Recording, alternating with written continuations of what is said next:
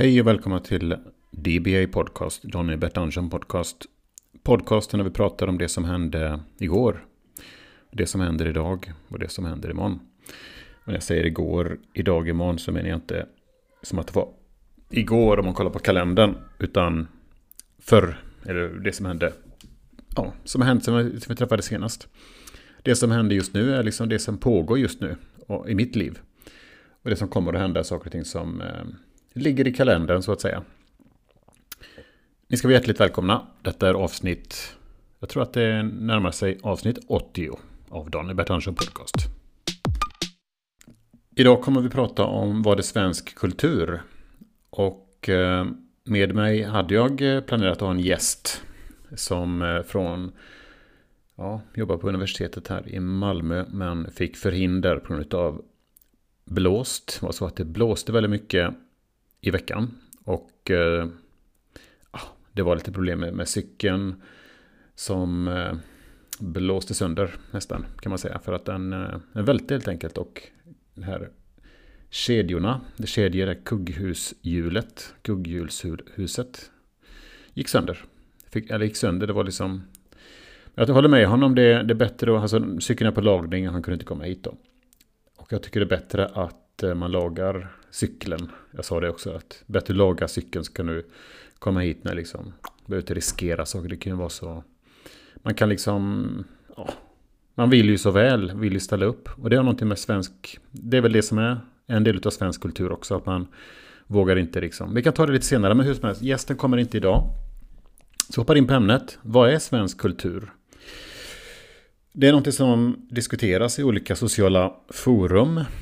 Ehm, av personer i min ålder, yngre, äldre. Kulturdebatt eh, rasar ju emellanåt. Kan man säga. Och vad är då svensk kultur? Eh, ibland ställer sig utlänningar frågor, den frågan till svenskar. Vad är svensk kultur?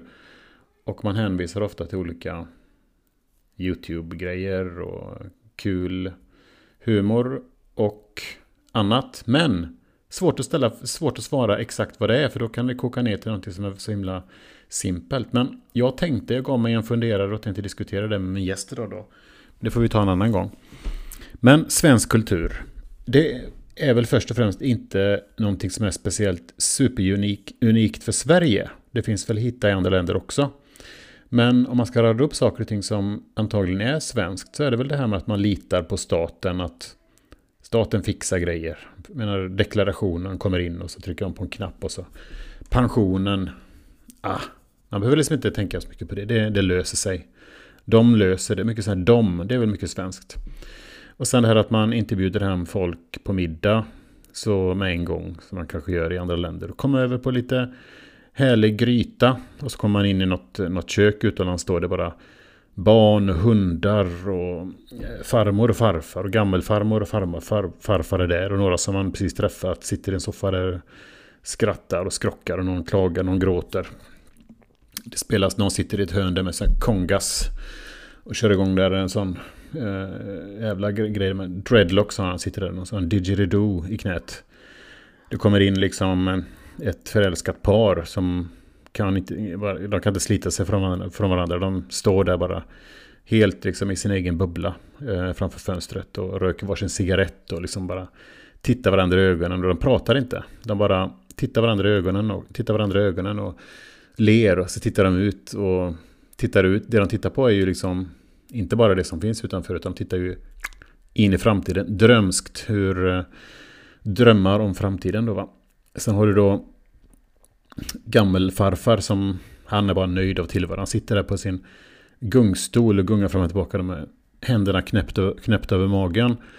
Och tittar ut över all det här livet som pågår och eh, han tänker inte längre tillbaka med oro eller ånger över det, han, det val han gjort i livet utan han konstaterar att det har blivit bra.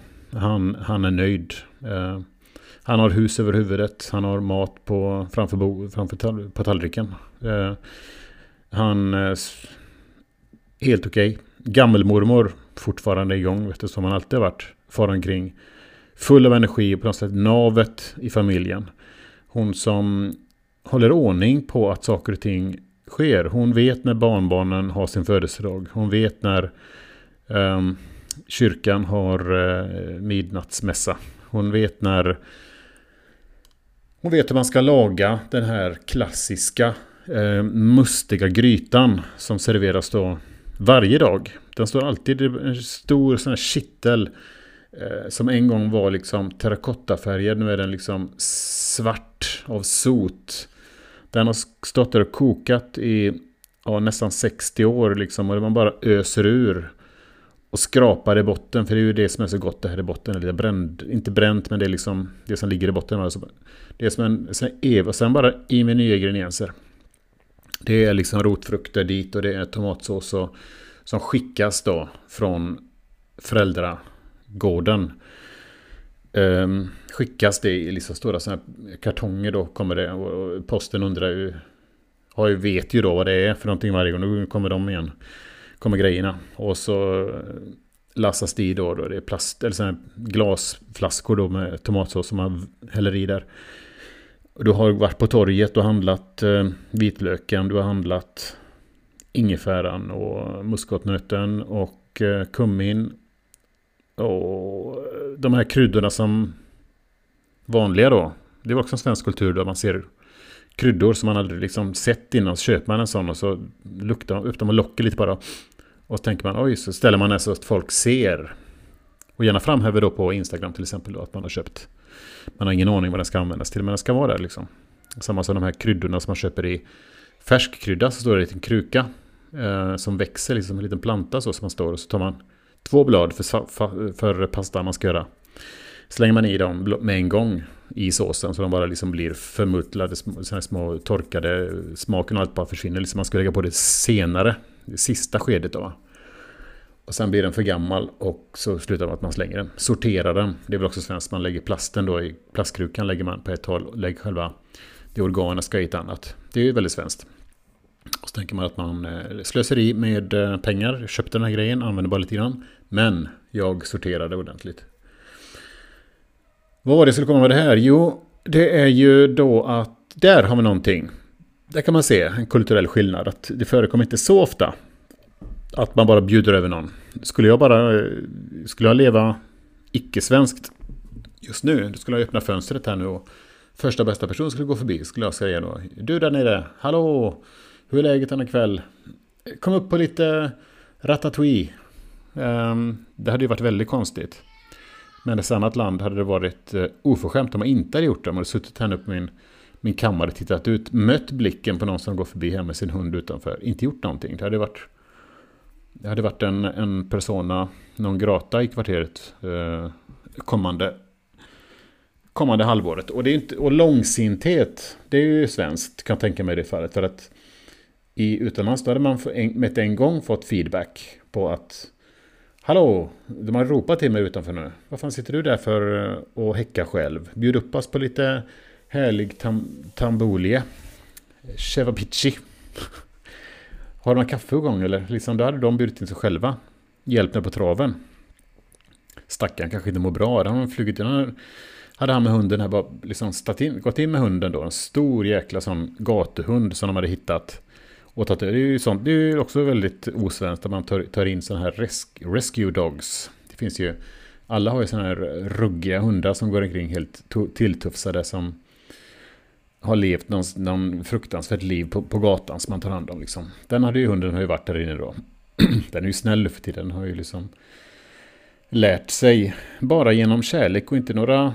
Det är också något svenskt och osvenskt. Och svensk, där hade man tagit, tagit hand om en sån hund då på, från gatan eller från något förhållande som inte var bra. Då hade det ju tränat, så det hade varit tv-program och det hade varit Instagram-stories och det hade varit eh, liksom hela, hela grejen där då va.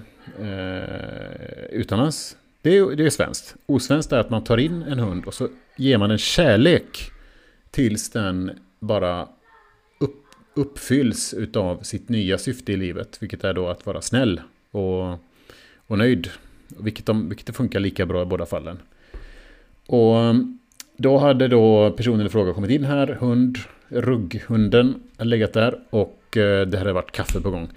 Musik hade ropat in, liksom, inte ringer i telefon, och sådär, inget sånt, utan han bara öppnar fönstret, eh, ropar på någon där och Juan Carlos, var är du någonstans? Så hör man då en sekund senare ett fönster öppnas eh, mittemot där. Ja, vad är det? Kom hit, ta med dig gravspelet för nu har vi, har vi kalas. Och så kommer han dit då. Så kommer han hit med sina två döttrar som går på sån...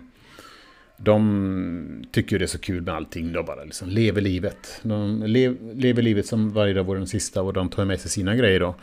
En har en triangel, sån här eh, metalltriangel med lite sån metallstav. Och den andra har ett eh, sån här, vad heter det, harbosi. Sån här stor gitarr. Tar de med sig in här vet du. Så blir det liksom, kör de igång. Och så blir det kaffe på det. Och sen sätter de igång. Har du några, och du har ju sånt hemma, så är det då någon slags vaniljextrakt. Och sen står det en gammal flaska rom. Och så finns det lite sån skum, skumbröd, eller vad heter det, sockerkaksbotten nästan. Och torkade frukter hade han med sig naturligtvis till hunden. Då blir det liksom en sån frukttårta med så indränkt i konjak som de serverade då. Och sen, rätt så det är klockan tre på natten. Och dagen efter ska vi upp och jobba.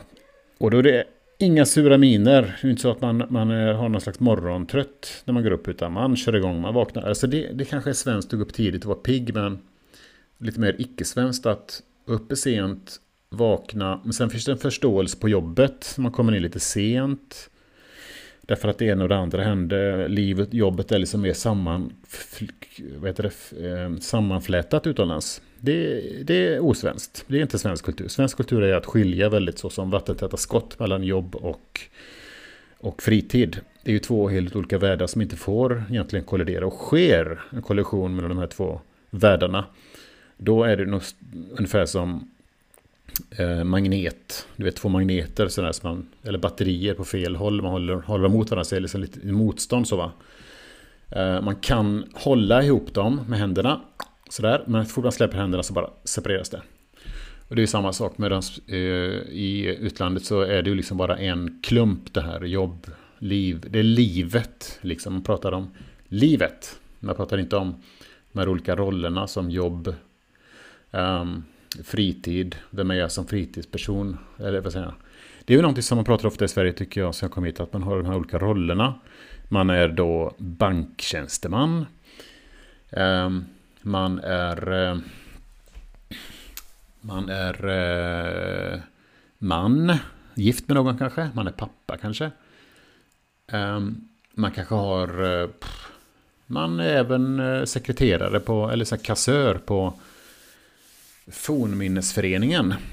Och då har man de olika rollerna som man måste tvätt, eh, växla mellan. Och de får ju inte alls sammanflätas på något sätt. Det ska hållas liksom separat. Man ska hålla dem separat som en sån här mediciner som man har. Medicinkarta. Man har en sån plastlåda med olika lock i. Olika mediciner. Eh, så tar du en på morgonen, en efter lunch, en på kvällen och så vidare. Får liksom inte blanda de här och ta eh, en näve med mediciner bara trycka i sig på en gång. Utan det måste ju ske, ske olika tillfällen, absolut inte blandas. Det där tycker jag är väldigt, eh, väldigt svenskt också. Sen, sen har vi kommit till mat, i stora hela så är det väl just med mat. Eh, vi tycker om mat i Sverige och vi tycker om eh, fisk och kött och potatis. Det ska vara liksom, på en tallrik ska det vara liksom protein då i form av fisk eller, kö, eller kött. Och sen ska det vara grönsaker för potatis. Och så ska det vara någon brödbit till. knäckebröd eller liten en liten hönökaksliknande grej där. Det, det tycker jag är väldigt svenskt. Det är väldigt svenskt kultur. Och sedan, vad har vi mer för någonting när vi kommer till livsstil i stora hela? Jo, man ska ju ha en hobby. Eh, men den hobbyn ska ju gärna vara klassisk. Eh, frimärkssamlare, flugfiske. Det är bara tre egentligen.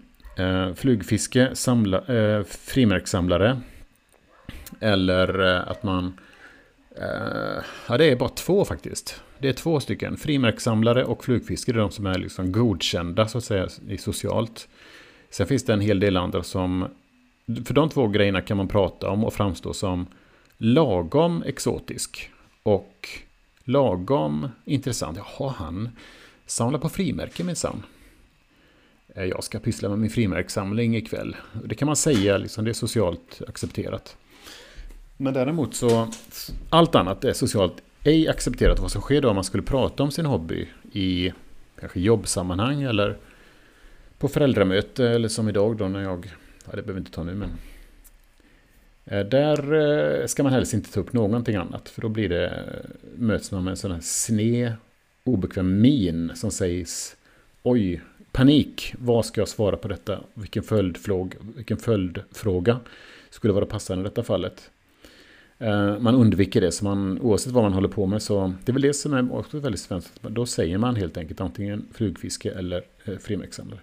Man kan säga också att man har plan. Ja, eh, det har varit väldigt mycket på jobbet senaste tiden och familjelivet kräver ju sitt. Men jag ska faktiskt titta på det här med flugfiske. För, jag tänkte ta med mig några kompisar upp till Laxån senare i år och, och köra lite flugfiske. Ja, det verkar faktiskt... Jag har en kompis som, som gör det här och det är, man är ute i naturen och eh, det finns ju fantastiska möjligheter till, till fiske där uppe. Vilket eh, jag tänkte prova på faktiskt. Ja, och då får man ju liksom sådär, men det är bra och härligt att vara ute i naturen.